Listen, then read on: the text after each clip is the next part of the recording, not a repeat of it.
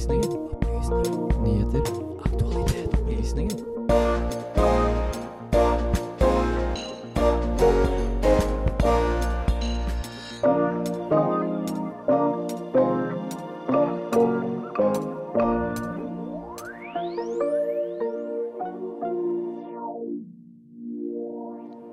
Forrige fredag døde Aleksej Navalnyj i fengsel, 47 år gammel.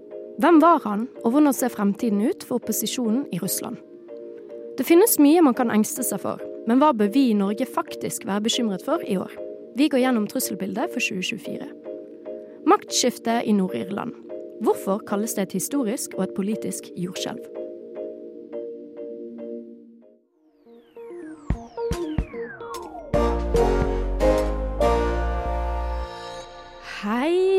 Velkommen til Opplysningen 99,3 her på Radio Nova. Jeg heter Helena Skrøder og skal følge deg gjennom denne spennende og lærerike timen.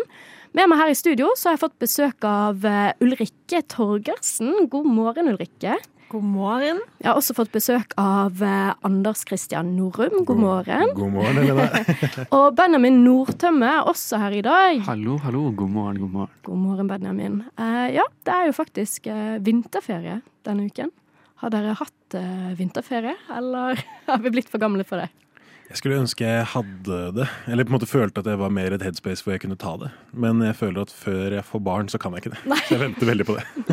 Først og fremst det er derfor jeg venter på det. Jeg ser veldig mye eh, såkalt reklame for vinterferie, annet fra liksom ulike kjeder som eh, pusher vinterferie eller eh, Ja. Men så det minner meg på at det, det er vinterferie, da. Men jeg tror de færreste studenter egentlig har det. Kan man si det? Ja. Kanskje, ja. Jeg har i hvert fall ikke eh, vinterferie. Eh, Som student. eh, Ingen vinterferie på meg. Nei. Det er jo kanskje noen heldige lektorstudenter der ute som uh, har fått uh, vinterferie. Det hadde vært ganske nice. Jeg ser jo egentlig at uh, neste uke, da har Bergen vinterferie. Og da Jeg ser jo det er mange som venner av meg da, som er ute i verden og på tur og ja, skulle ønske jeg var eh, på Hawaii akkurat nå, men eh, Det samme gjelder for Stavanger eh, også. Så jeg ser mange som koser seg på fjellet. mm, Ja. Jeg syns ikke det skal være lov til at det er plussgrader og regn, sånn som det er i Oslo i dag. Under når det er vinterferie heller. Så det, um, nei, det er ikke lett. Nei. Men eh, vi har masse spennende vi skal snakke om i dag. Og vi skal snakke om alt fra Aleksej Navalnyj til trusselvurderingen for 2024. Og vi skal også snakke om ja, den nye regjeringen i Nord-Irland. Men eh, først så skal du få høre litt eh, god musikk. Her får du Mal Og så er også Radio Nova her for å gjøre opptak til sendingene sine. Opplysningen. Vi er der det skjer. Opplysningen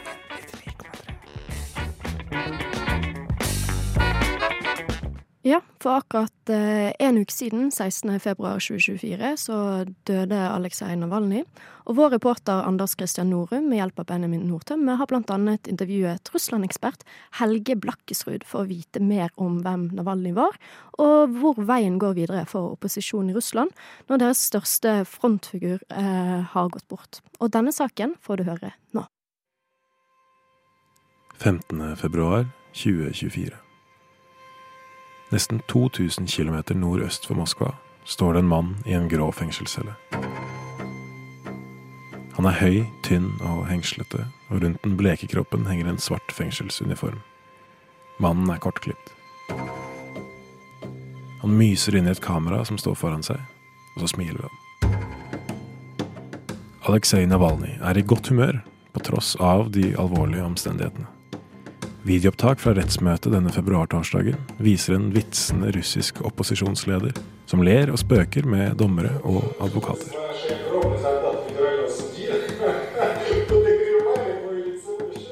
Siden desember 2023 har Navalnyj sittet i straffeleiren IK3 i den russiske byen Kharm. BBC har omtalt leiren som en av Russlands mest brutale straffekolonier. Området er isolert og klimaet er hardt. Om vinteren stuper temperaturen gjerne under 20 minusgrader. Likevel står altså Navalnyj smilende foran dommeren og vitser om at han nå er i ferd med å gå tom for penger. Dette klippet er de siste bildene som viser Aleksej Navalnyj i live. Han vet ikke selv, men han har bare timer igjen å leve. Men hvem er han egentlig?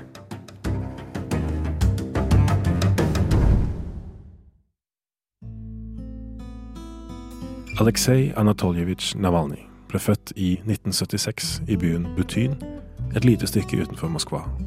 Som 22-åring fullførte Navalnyj en universitetsgrad i juss, og han tok senere også fag innen finans. Navalnyj har vært en særlig uttalt kritiker av Russlands president Vladimir Putin siden 2008. Dette året startet Navalnyj en blogg som anklaget statlige næringslivsledere for grov korrupsjon. I løpet av de neste årene deltok Aleksej Navalnyj aktivt i bevegelsene som ønsket å fjerne Putin fra makten. Hans kanskje største politiske seier kom i 2013, da han mottok hele 27% av stemmene i ordførervalget i Moskva. Dette klarte Navalnyj på tross av massiv motstand fra regimelojale medier, kontrollert av Putins støttespillere. Navalnyj spilte en avgjørende rolle i demonstrasjonsbevegelsene som rystet det russiske samfunnet tidlig på 2010-tallet. Flere hundre tusen russere leste etter hvert Navalnyjs blogg og fulgte talene hans. Navalnyjs politiske bevegelse vokste, særlig blant unge.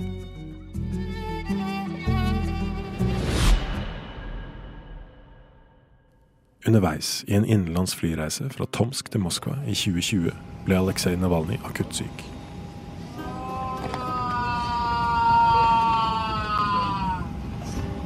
Videoopptak gjort om bord i flyet viser en skrikende Navalnyj ligge på gulvet i flykabinen. Flyet nødlandet i byen Omsk, hvor Navalnyj ble hastet til sykehus. Etter massivt press fra vestlige land, blant dem Tyskland, tillot russiske myndigheter til slutt å sende Navalnyj til et sykehus i Berlin for behandling. Her ble det påvist at opposisjonspolitikeren hadde blitt forgiftet av nervegiften Novichok. Denne type gift har blitt brukt ved tidligere attentatforsøk mot russiske regimekritikere. På tross av at bevisene pekte mot at forgiftningen hadde blitt iverksatt av Putin-regimet, valgte Aleksej Navalnyj å returnere til Russland. I 2021 landet han igjen i Moskva, og ble umiddelbart arrestert av den russiske etterretningstjenesten FSB. I løpet av kort tid ble det tatt ut tiltale mot Navalnyj. Det russiske rettsvesenet fant ham skyldig i økonomisk underslag, og Navalnyj ble dømt til ni år i fengsel. I august 2023 ble han også funnet skyldig i å ha finansiert og støttet såkalt ekstremistisk virksomhet, og dommen ble med det forlenget med 19 år. I februar 2024 soner Navalnyj altså en dom på om lag 30 år. Dagen etter rettsmøtet, der han har fleipet med dommeren, melder fengselsmyndighetene i Harp at Navalnyj har omkommet. Omstendighetene er bare vagt beskrevet. Ifølge talspersoner for fengselet skal Navalnyj den 16. februar 2024 ha vært ute på en spasertur da han plutselig mistet bevisstheten. Livet sto ikke til å redde. Aleksej Navalnyj ble 47 år gammel. Hvor går veien videre nå for opposisjonsbevegelsen i Russland?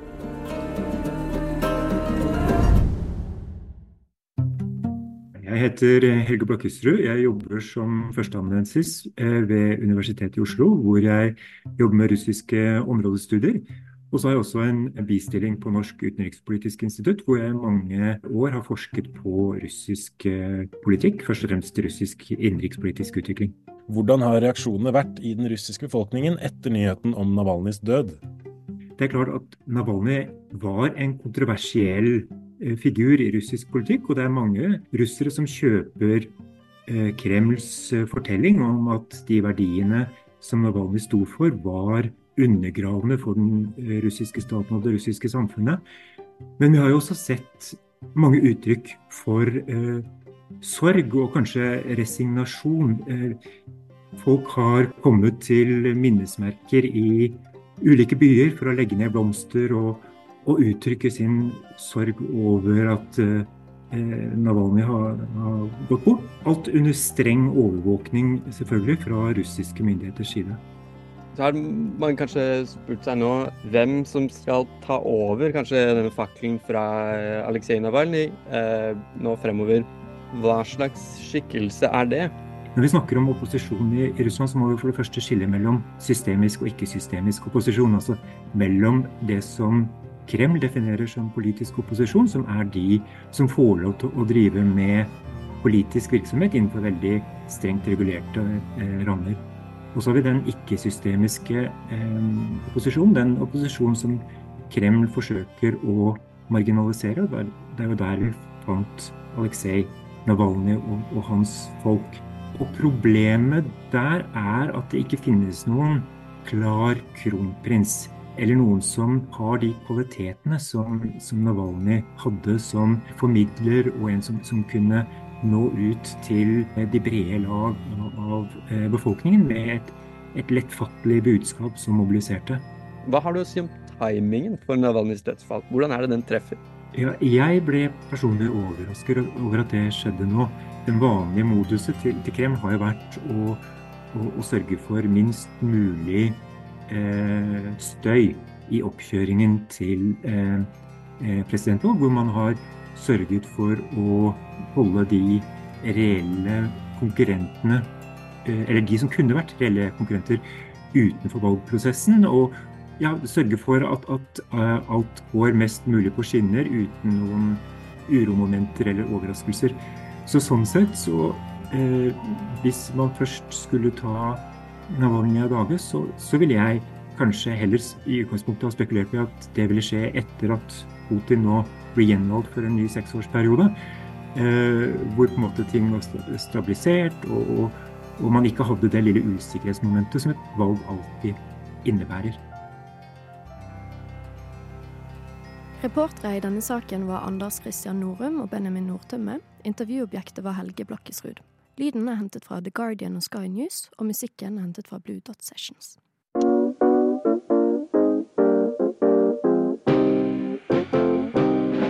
Du hører på Radio Novas samfunns- og aktualitetsmagasin Opplysningen. Hver fredag fra klokken 10 til 11 på Radio Nova. Opplysningen på Radio Nova.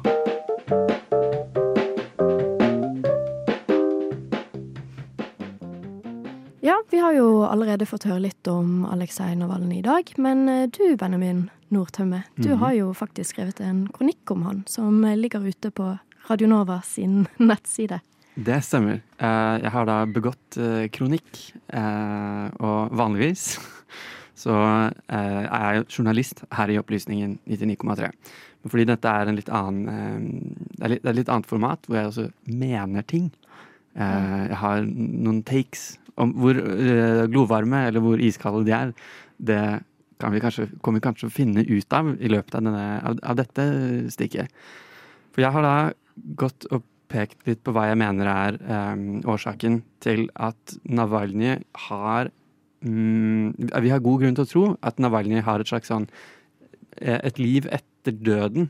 Det er egentlig mm. det jeg prøver å si i denne kronikken de, i hvert fall de siste 13 årene, siden eh, protestene og demonstrasjonene på Bolotnaja-plassen i Moskva, hvor Aleksej Navalnyj først skapte sitt navn sånn ordentlig, eh, så har han vært altså nærmest så synonymt med ordet opposisjonen at det er liksom nesten én og samme greie. Um, og så hevder jeg, og fremsetter da en mulighet for at det er også sant 13 år fremover i tid. At Navalnyj familienavnet Navalny er, som man sier på godt norsk, intrinsically eh, lenket og, og, bundet sammen med, med, det å være i opposisjon eh, i Russland. Ja, fordi han Navalny han har jo eh, Det er jo både konen eh, hans Julia, og så har jo han også to unger. Og det Jeg syns det blir veldig interessant å se i framtiden, og se hvordan det blir. Om yes. de klarer faktisk å ta kampen videre. Det som har skjedd, det jeg fremsetter også her i denne, uh, i denne kronikken, er nemlig det at Julia Navalnyj på mandag denne uken ble politiker. Mm. Hun, hun, har vært ved Navalnyj hele tiden.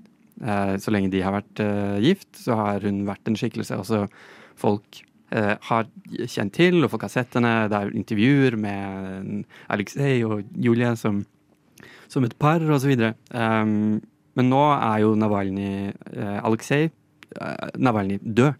Han er jo ikke mer. Um, men denne historien fortsetter, som er veldig interessant for meg. Eh, man skal jo kanskje være litt varsom med å drive oss på fremtiden altfor mye og sånn, men dette er en løpende, fortsatt pågående historie. For mens eh, Julia er eh, på en slags sånn turné eh, rundt omkring i, i Hun lever da i eksil eh, i Vesten og møtte Joe Biden eh, i går kveld, eh, for eksempel. Så er det Ljudmila Navalnaja, Aleksejs mor, publiserte en video i går hvor hun fremsetter det at vi, vi, har, vi ønsker en, en offentlig begravelse for Aleksej Navalnyj, hvor alle som har lyst til å komme, kan ja, gi sin, eh, si sine farvel. Og blir da anklager da russiske myndigheter for å um, utpresse henne, rett og slett. For å inngå en hemmelig avtale, for å ha en, eh, en skjult eh, begravelse bak, ja, utenfor offentlighetens eh, øyne. Så det er veldig spennende. Dette fortsetter. Det er liksom fortsatt ulmende og er en sånn pågående greie. Mm. Mm. Jeg tenker jo, er- Du har mange gode poeng i kronikken din, Benjamin, selvfølgelig, og dette kan du, kan du mye om.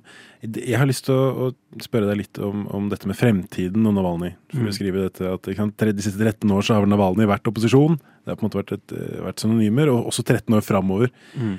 Er det, tenker du, en fare også for at man kan bli, hvis vi nå sett fra opposisjonen i Russlands ståsted, at man kan bli hengende igjen i Navalnyjs minne? For Navalny er åpenbart en veldig toneangivende figur. Også nå da når hans kone i stor grad ser ut til å kunne ta Mm. så langt det lar seg gjøre, ta den fakkelen videre. Kunne man se for seg også at man må rette blikket mot noen andre? Hva tenker du rundt det? Jeg tror det definitivt er en risiko. Ehm, det er på en måte samtidig den største fordelen og den største ulempen. Det er denne at, at det knyttes til Det er ett familienavn, Navalny. Eh, det finnes jo så klart utallige Det er virkelig veldig mange altså Her i, i Vesten så er det Navalny som har den store, liksom, den store oppmerksomheten. Så fins det mange mange, mange andre personligheter eh, i og utenfor eh, Navalnyjs organisasjon som han har bygget, som, som er egne folk med egen politisk identitet. Og Det er det som kanskje er den store utfordringen for Julia Navalnyj. Hun er jo ganske uprøvd. Hun har vært politiker nå i fire dager. og ehm, eh, det er jo da litt vanskelig å, å drive og spå fremtiden. Men hennes, både hennes legitimitet og hennes um, At hun er liksom den logiske i arverekken, om man skal kalle det eh, er, det er egentlig helt ubestridt. Det var veldig overraskende og litt sjokkerende for meg også å oppdage det at så fort denne kunngjøringen kom, så kom det også da kunngjøringer fra masse andre i den russiske opposisjonen. Folk som f.eks. Maxim Katz, som ikke tilhører Aleksejs organisasjon. At all. Som er eh, ellers ofte ganske sånn involvert i eh, drittkasting og liksom denne mistroiske eh, Ja, den russiske opposisjonen lider av dette problemet. At de rett og slett er veldig fragmenterte og, og ja. Eh, men, men at de nå har i hvert fall en mulighet. En, det, det står som en sånn eneste stor mulighet. En sånn samlingsfigur som ikke har noen svin på skogen. Som står fritt til å bygge en ny arv. eh, en ny identitet som, som politiker. Jeg har lyst til å mm, rette blikket vårt mot slutten av kronikken din. Jeg har lyst til å diskutere det litt, fordi du skriver mm, eh, helt på slutten som et slags frempek, eller en, eh, et retorisk spørsmål, eller ja. At, eh, at eh, eh, tilhengere av vestlige demokratier kan i sin søken etter figurer som speiler deres egne meninger, bli liksom, vi, får, vi må forstå at disse figurene i de respektive landene ikke er eh, forbruksvarer. det er et ord du bruker. Um, jeg syns det er veldig interessant, eh, og jeg lurer på om du kan liksom utdype litt hva du mener med forbruksvarer. Hvorfor mener du at disse kan bli det? Uh, jeg tror det er veldig fristende for oss uh, Nå, da, siden, siden for, for å belyse det med et konkret eksempel, så nå, nå som mange har pratet om Aleksej Navalnyj eh, mye, mye, mye, mye, så har, også, har man liksom gravd opp ting og eh, grums fra hans fortid, og så er det sånn oi, oi, oi. Aleksej Navalnyj kan da ikke være en helt hvis han har sagt disse fryktelige ra rasistiske tingene i fortiden, eller han i Ukraina eksempel har man ingen tålmodighet at all for Aleksej Navalnyj fordi han sammenlignet eh, Krimhalvøya med en sandwich. eh, og liksom Poenget det jeg mener med at vi ikke skal ha en sånn konsumeristisk holdning til eh, den russiske opposisjonen, er nemlig det at det er liksom ikke De snakker jo på sett og vis litt til oss når de er demokratiforkjempere, når de er mm, opposisjonelle russere, så har de også en sånn De, de, de prater med oss i én dimensjon, i én kanal, men først og fremst skal de fremsette politikk som er et alternativ for russere. De skal ikke nødvendigvis liksom eh, fremstå best mulig for, med våre øyne, eller um, I et vestlig perspektiv, da. At de nødvendigvis ikke er perfekte i gåsetegn i et vestlig perspektiv, og at det kan ja. være problematisk om man fremstiller mm. som det fra oss som er vante til det på en måte styresettet. Da. Ja, det, det, tror jeg. Det er min uh, innsikt der. Mm. Uh, jeg har et lite spørsmål, eller et lite spørsmål, jeg bare lurer litt på det med uh, Navalnya, egentlig. Kan hun bli litt mer tydeligere og kraftigere i sin kritikk av krigen? Jeg tror um, jeg, jeg syns hun bør. Ja. Eh, det ville være min sterkeste oppfordring. Eh, bitte litt kontekst. Eh, den russiske opposisjonens største slagord i møte med krigen i Ukraina, også litt informert av at det er ganske farlig å, å ytre ting offentlig, har vært nei til krig. Njet vanje. Det betyr bare nei til krig. Det å nevne Ukraina ved navn, f.eks., har vært liksom nesten helt umulig. men det er det at nå som Putin har virkelig bundet hele sin politiske mm, Ja. Eh, hele, hele, skipet, hele skuta, til denne krigen, så er det også for en russisk opposisjonspolitiker helt, helt, helt nødvendig, i min, i min mening, å, å, ta et kraftigere standpunkt. Så om hun kommer til å gjøre det, det, det vet vi ikke, men det gjenstår å, å se. Men eh, nå må vi runde av her. Vi kan eh, snakke om dette her veldig lenge. Eh, men nå får du høre litt mer musikk, og her får du God dag og god fredag. Hjertelig god fredag morgen. God morgen, god morgen, god morgen og god morgen. God morgen og velkommen til Opplysningen, Radio Nova sitt samfunns- og aktualitetsmagasin. Med opplysningen 99,3 på øret, ja da blir det en god fredagsmorgen. Opplysningen 99,3 hver fredag fra 10 til 11 på Radio Nova. Ja, vi er nå godt i gang med 2024, og jeg lurer litt på om dere ja, litt positive, da, eller positive for året 2024? Eller om dere kanskje er litt pessimistisk? pessimistiske? For meg så kommer det litt an på dagsformen og hva jeg leser i nyhetene egentlig dag for deg. Jeg mm. tror flere kan kjenne seg igjen i det. Um, det har jo vært flere ganger der jeg har lest ting eller hørt ting som, som har gjort at jeg har begynt å gruble litt da, på, på hvordan det går med både verden og Norge. og og sånn. Og så andre dager kan jeg føle en slags optimisme, da, eh, hvis jeg leser noen gode nyheter. Så eh, vagt svar, men det, det varierer, varierer, litt. Og så hvordan jeg har det inni meg, da. Ja. Selvfølgelig. Mm. For meg så har eh, været mye å si, ja. er, men jeg, men jeg, jeg, jeg backer veldig mye av det Ulrikke sier. Og så er det jo selvfølgelig Det er jo ikke til å komme rundt at sånn som mange utviklinger er i verden nå, så er det mye som er litt uh, Ja, det er grunn til å være mer pessimistisk enn man kanskje har vært før. Samtidig så er det viktig å huske på at uh, opp gjennom historien så har det vært mange tidspunkt i verdenspolitikken som har vært verre enn nå. Mm. Uh, og det er et viktig perspektiv å ha. Så jeg tenker at måtte, vi er inne i et europeisk og internasjonalt valgår Eh, ja, det kan gå dårlig mange steder, men kanskje det også kan gå bra mange steder. Jeg tvinger meg selv til å være optimist. jeg syns det er interessant du snakker om historie, bare en, en bitte litt. For jeg backer også til det. Uh, mye backing uh, her nå. Uh, jeg syns det er interessant hvordan vår tid føler I hvert fall, nå levde jo jeg aldri på 30-tallet. så jeg er ikke så gammel. Um, men det føles som denne tiden vi lever i, er en slags syntese av Har liksom trekk fra mange til ulike tidsepoker. Det føler jeg alle tider ja. føler. At det er en måte si uh, nesten ingenting, men men få det til å høres uh, ut som noe ja. for, for, det er liksom usikkerhet, da. Det er kanskje det. og, og det finnes da noen, noen, noen, trusler som møter oss, kanskje. mm. Det er noe med det. Og så er det, for meg så har det alltid vært viktig Nå har jeg, Min studiebakgrunn er historie. Jeg har alltid blitt veldig matt av folk som er sånn Historien gjentar seg. For ja. det, det, gjør den ikke. Nei. Historien gjentar seg ikke. Men jeg syns en veldig god saying på det er at historien gjentar seg ikke, men den rimer. Eh, så veldig ofte så kan du få ting som kommer igjen, og så får du noen lignende trekk, og så veldig mange trekk som ikke ligner. Så man kan bruke historie til å reflektere, men likevel. Ja. Uh, ja, fordi angående trusler, så har jo PST kommet med trusselvurderingen for 2024. Uh, eh, og vår reporter Britta Benz har undersøkt dette nærmere, og denne saken får du høre nå. Hva er du redd for?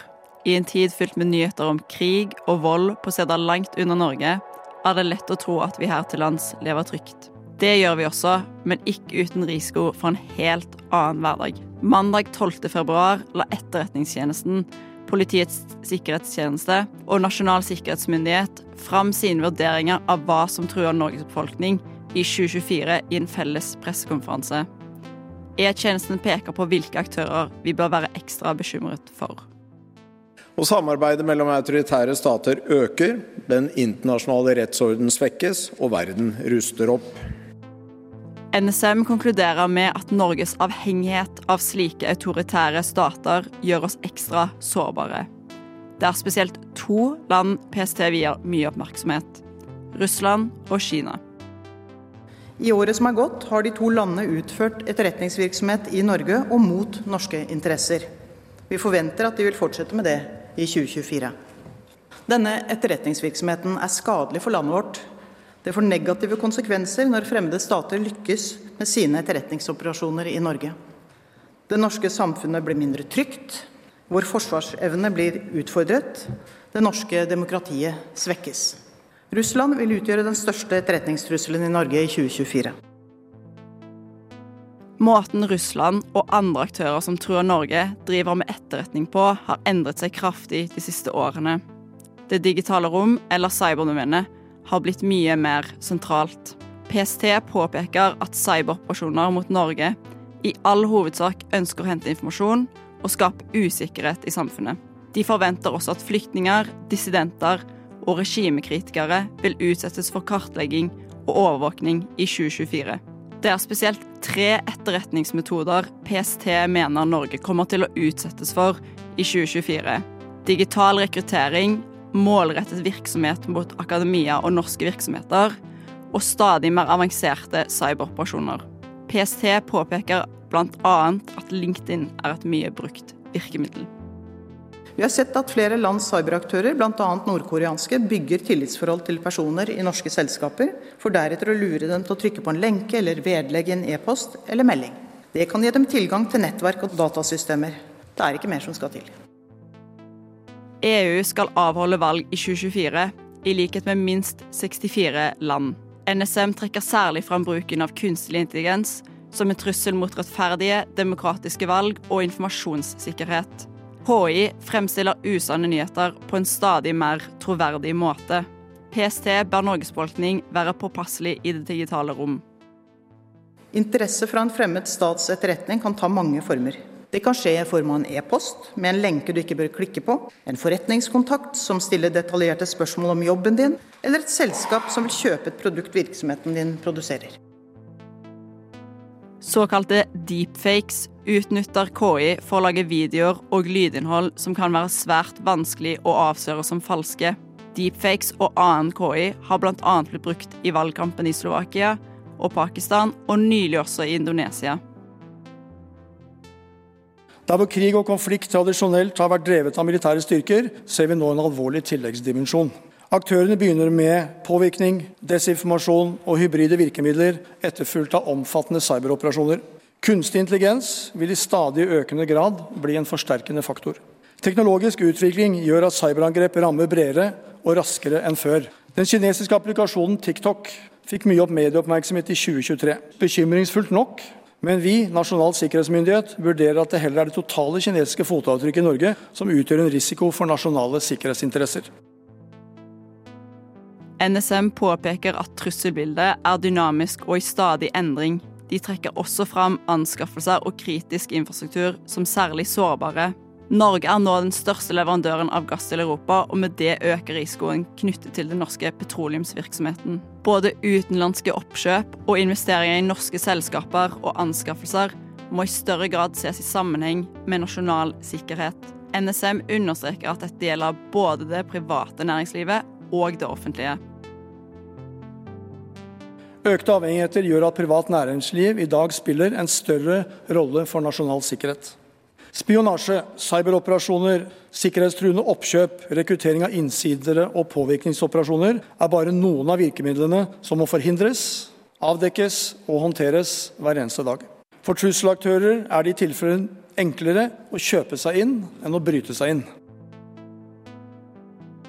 Terror kobles i enda større grad til transnasjonale digitale nettverk. Digitale plattformer anses som hovedarenaen for radikalisering og gjerne utfordrende å overvåke. Vi i PST mener terrortrusselnivået i Norge er på et moderat nivå. De mest alvorlige terrortruslene i 2024 vil fortsatt komme fra ekstreme islamister og høyreekstremister. Vi vurderer det som mulig at ekstreme islamister og høyreekstremister vil forsøke å gjennomføre terrorhandlinger i Norge. PST konkluderer videre at trusselen fra ekstremistiske islamister fremstår som noe mer alvorlig enn fra høyreekstremister. E-tjenesten knytter dette til den pågående krigføringen på Gazastripen.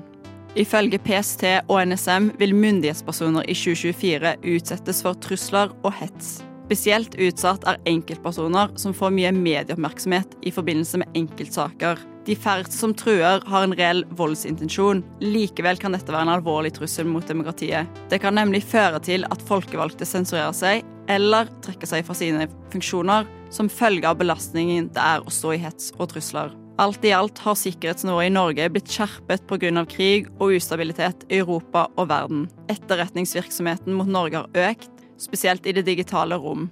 Til tross for dette blir det ikke krig i Norge med det første. Med dette ønsker vi dere en god og trygg helg. Reporter i denne saken var Britta Benz, og musikk er hentet fra Blue Dot Sessions. Når vi spør dem om de virkelig ikke vil ha tariffavtalen, så sier de jo jo, vi vil jo ha den, for den er jo mye bedre enn husavtalen. Du har ingen elbil, du har ingen vindmøller, du har ingen PC og ingen mobil hvis du ikke har disse metallene. Jo, man kan snakke om penger, man kan snakke om alt det her, men i bunn og grunn så handler det her om et pågående menneskerettighetsbrudd. Det Grunnloven sier, det er, i realiteten er nesten ikke sant. Opplysningen på Radio Nova. Fra klokka 10 til 11 hver eneste fredag. Ja, det har eh, kommet en eh, ny regjering i Nord-Irland. Har dere fått det med dere? Jeg har fått med meg nå. Ja, så bra. ja, det kommer kanskje litt i skyggen av uh, ulike uh, ting. Uh, det skjedde jo i januar, tror jeg. Så det er jo litt Det er ikke, det er ikke nødvendigvis utdatert og gammelt, for nå er den regjeringen på plass. I Nord-Irland så hadde man, om ikke jeg tar feil, nå en to Altså før dette, en periode i to år hvor Mm, man ikke har hatt noe flertall for en koalisjon der, der, der eller der, og, og, dermed har hatt en, en slags sånn eh, eh, stedfortrederregjering i det britiske parlamentet, eller liksom ja. i, i, London. I London. Og det er en mm. utrolig interessant dimensjon for Nord-Irland, som da er en del av eh, eh det forente kongeriket Storbritannia og Nord-Irland, eh, men som henger da på Irland, øya Irland, og grenser til republikken Irland i, i, i sør. Det er jo kjempespennende. Der har du jo også eh, eh, Vi har pratet mye om eh, krig og konflikt denne sendingen. Eh, The Troubles kommer da sterkt frem. Eh, som da er tiden, epoken som ligger bak oss, da, men hvor det var mye spenninger. Ja. Så ja, denne nye regjeringen har jo eh, vår reporter Alexander Klyve Gudbrandsen gjort et lite dykk i, og det får du høre her. Det kalles et historisk øyeblikk og et politisk jordskjelv. Noen ser det som en mulig begynnelse på en gjenforening av Irland. Nord-Irland, som de siste drøye 100 årene har vært atskilt fra republikken Irland som en del av Storbritannia, har nettopp fått sin første irske nasjonalistiske leder, Michelle O'Neill fra partiet Sinn Fein har nemlig blitt statsminister, eller førsteminister, som det kalles i Nord-Irland. Den viktigste saken til Sinn Fein er forening av Nord-Irland og republikken Irland. Sinn Fein har historisk blitt betrakta som den politiske fløyen til IRA, den irske republikanske hær. Fram til langfredagsavtalen ble underskrevet i 1998, utførte IRA en lang rekke terrorhandlinger mot britiske mål. Valget av O'Neill som førsteminister kommer etter at det nordirske parlamentet, Carl Stormont, nylig trådte sammen igjen etter å ha vært ute av drift i to år. Michelle O'Neills parti vant retten til førsteministerembetet ved sist valg i mai 2022. Når eh, Sinn Fein likevel ikke har fått noen førsteminister før nå, skyldes det at partiet DUP, som er et unionistisk og lojalistisk parti som ønsker å beholde unionen med Storbritannia, har boikotta maktdelingsordningen og lokalstyret de siste to årene. Maktdelingsordningen som følge av langfredagsavtalen innebærer at det største partiet skal ha førsteministeren, mens opposisjonen skal ha viseførsteministeren. Disse to embetene er imidlertid så å si likeverdige. Langfredagsavtalen, som også er kjent som Belfast-avtalen, avslutta tre tiår med væpna konflikt i Nord-Irland.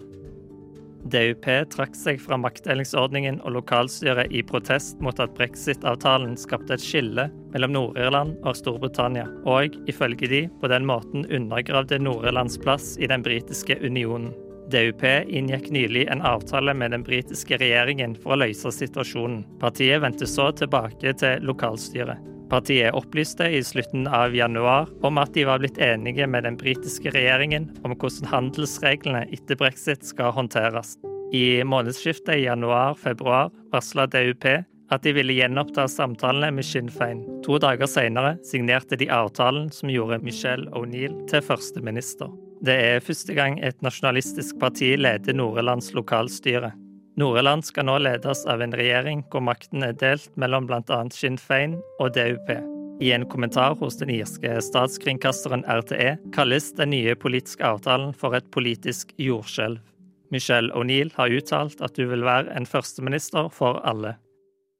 Den britiske statsministeren Rishi Sunak og Tesher, dvs. Si Irlands statsminister Leo Varadkar, besøkte det nordirske parlamentet 5. februar for å markere at parlamentet og maktdelingsordningen var operative igjen. Ifølge BBC beskrev Varadkar det som et veldig godt møte, og Sunak uttalte at den nye avtalen beskytter Nord-Irlands plass i unionen. Varadkar uttalte òg at det at det nordirske parlamentet er i drift igjen, viser at langfredagsavtalen fungerer. I 2025 blir det valg i republikken Irland. Hvis Sinn Fein får statsministeren i Irland, kan de da ha statsministeren i både Irland og Nord-Irland samtidig. Da spekuleres det på om det kan komme en folkeavstemning om gjenforening av Irland. Hva framtida vil bringe for Nord-Irland, er fortsatt et åpent spørsmål. Reporter i denne saken var Alexander Klyve Gudbrandsen, og musikken er hentet fra Blue Dot Sessions. Opplysninger på Radio Nova. Fredag fra 10 til 11. Aldri redd, alltid balansert. Kjempebalansert. Ja, nå er vi dessverre på slutten av eh, sendingen, folkens. Eh, Har dere noen planer for helgen? Ja, nei, eh, chille. Chille. Det er en av de beste planene jeg har, er å chille. Jeg skal på Nasjonalmuseet. Da føler jeg meg veldig sånn kultureliten når jeg sier det. Men jeg skal på Nasjonalmuseet faktisk en liten tur. Mm. Er det en spesiell utstilling du skal se, eller er bare til å Jeg har faktisk ikke sjekket det. Jeg har bare en avtale om å dra på Nasjonalmuseet. Så jeg tenker liksom tusletur på Nasjonalmuseet tror jeg blir bra. Mm. Ja, absolutt. Nei, jeg skal bare chille, tror jeg. Kanskje mm, nyte det fine været da. Ja, er det, er det, men kan vi på det? Er det, er det meldt fint vær på ekte, eller er det ikke La oss ikke Nei. sjekke. Bare, ja. Men kanskje bare føle at det blir mer og mer vår, desto Og så merker jeg veldig I går så merka jeg at det, det er jo lyst når jeg kommer hjem fra, fra eh, campus eller studiet. Eh, så sjekka jeg liksom hvor mye lysere det hadde blitt på en måned. Og det hadde faktisk blitt en hel time lysere siden 15. januar. Det gir eh, håp, da. Så det var veldig digg å, digg å se. Mm. Deilig. Jeg, jeg begynte å høre fuglekvitring. Var dere det? Ble- når Det er ikke bare du som har drømt det, på en måte. Altså oppfordring til eh, lytterne, og eventuelt mine medverter her i studio. Eh, gå og hør litt etter. Eh, Sånn om, på morgenen og sånn. Sjekk om eh, dere kan eh, sanse, ense fuglene. Jeg satt trenger faktisk på- desperat vår. Jeg satte faktisk på fuglekvitterlyd fra Spotify. Litt sånn eh, artificial bird noise. Mm. Mm, yes, men eh, ja, nei, nå må vi avslutte. Og eh, medvirkende i denne sendingen har vært Alexander Klyve Gudbrandsen. I studio så har jeg hatt med Ulrikke Torgersen. God helg, Ulrikke. Jeg har også hatt med meg Anders Christian Norum. God helg, Anders. God helg. Vi har også hatt god hjelp av Benjamin Nordtøm i dag, som også har vært tekniker. God helg. God helg, god helg, god helg. Og god helg til alle som hører på. Mitt navn er Helena Skrøder, og du har hørt på Opplysningen 99,3 her på Radio Nova. Etter oss kommer Studentnyhetene. Men før det får du litt god musikk. Her kommer Klubben av Lekende Lett.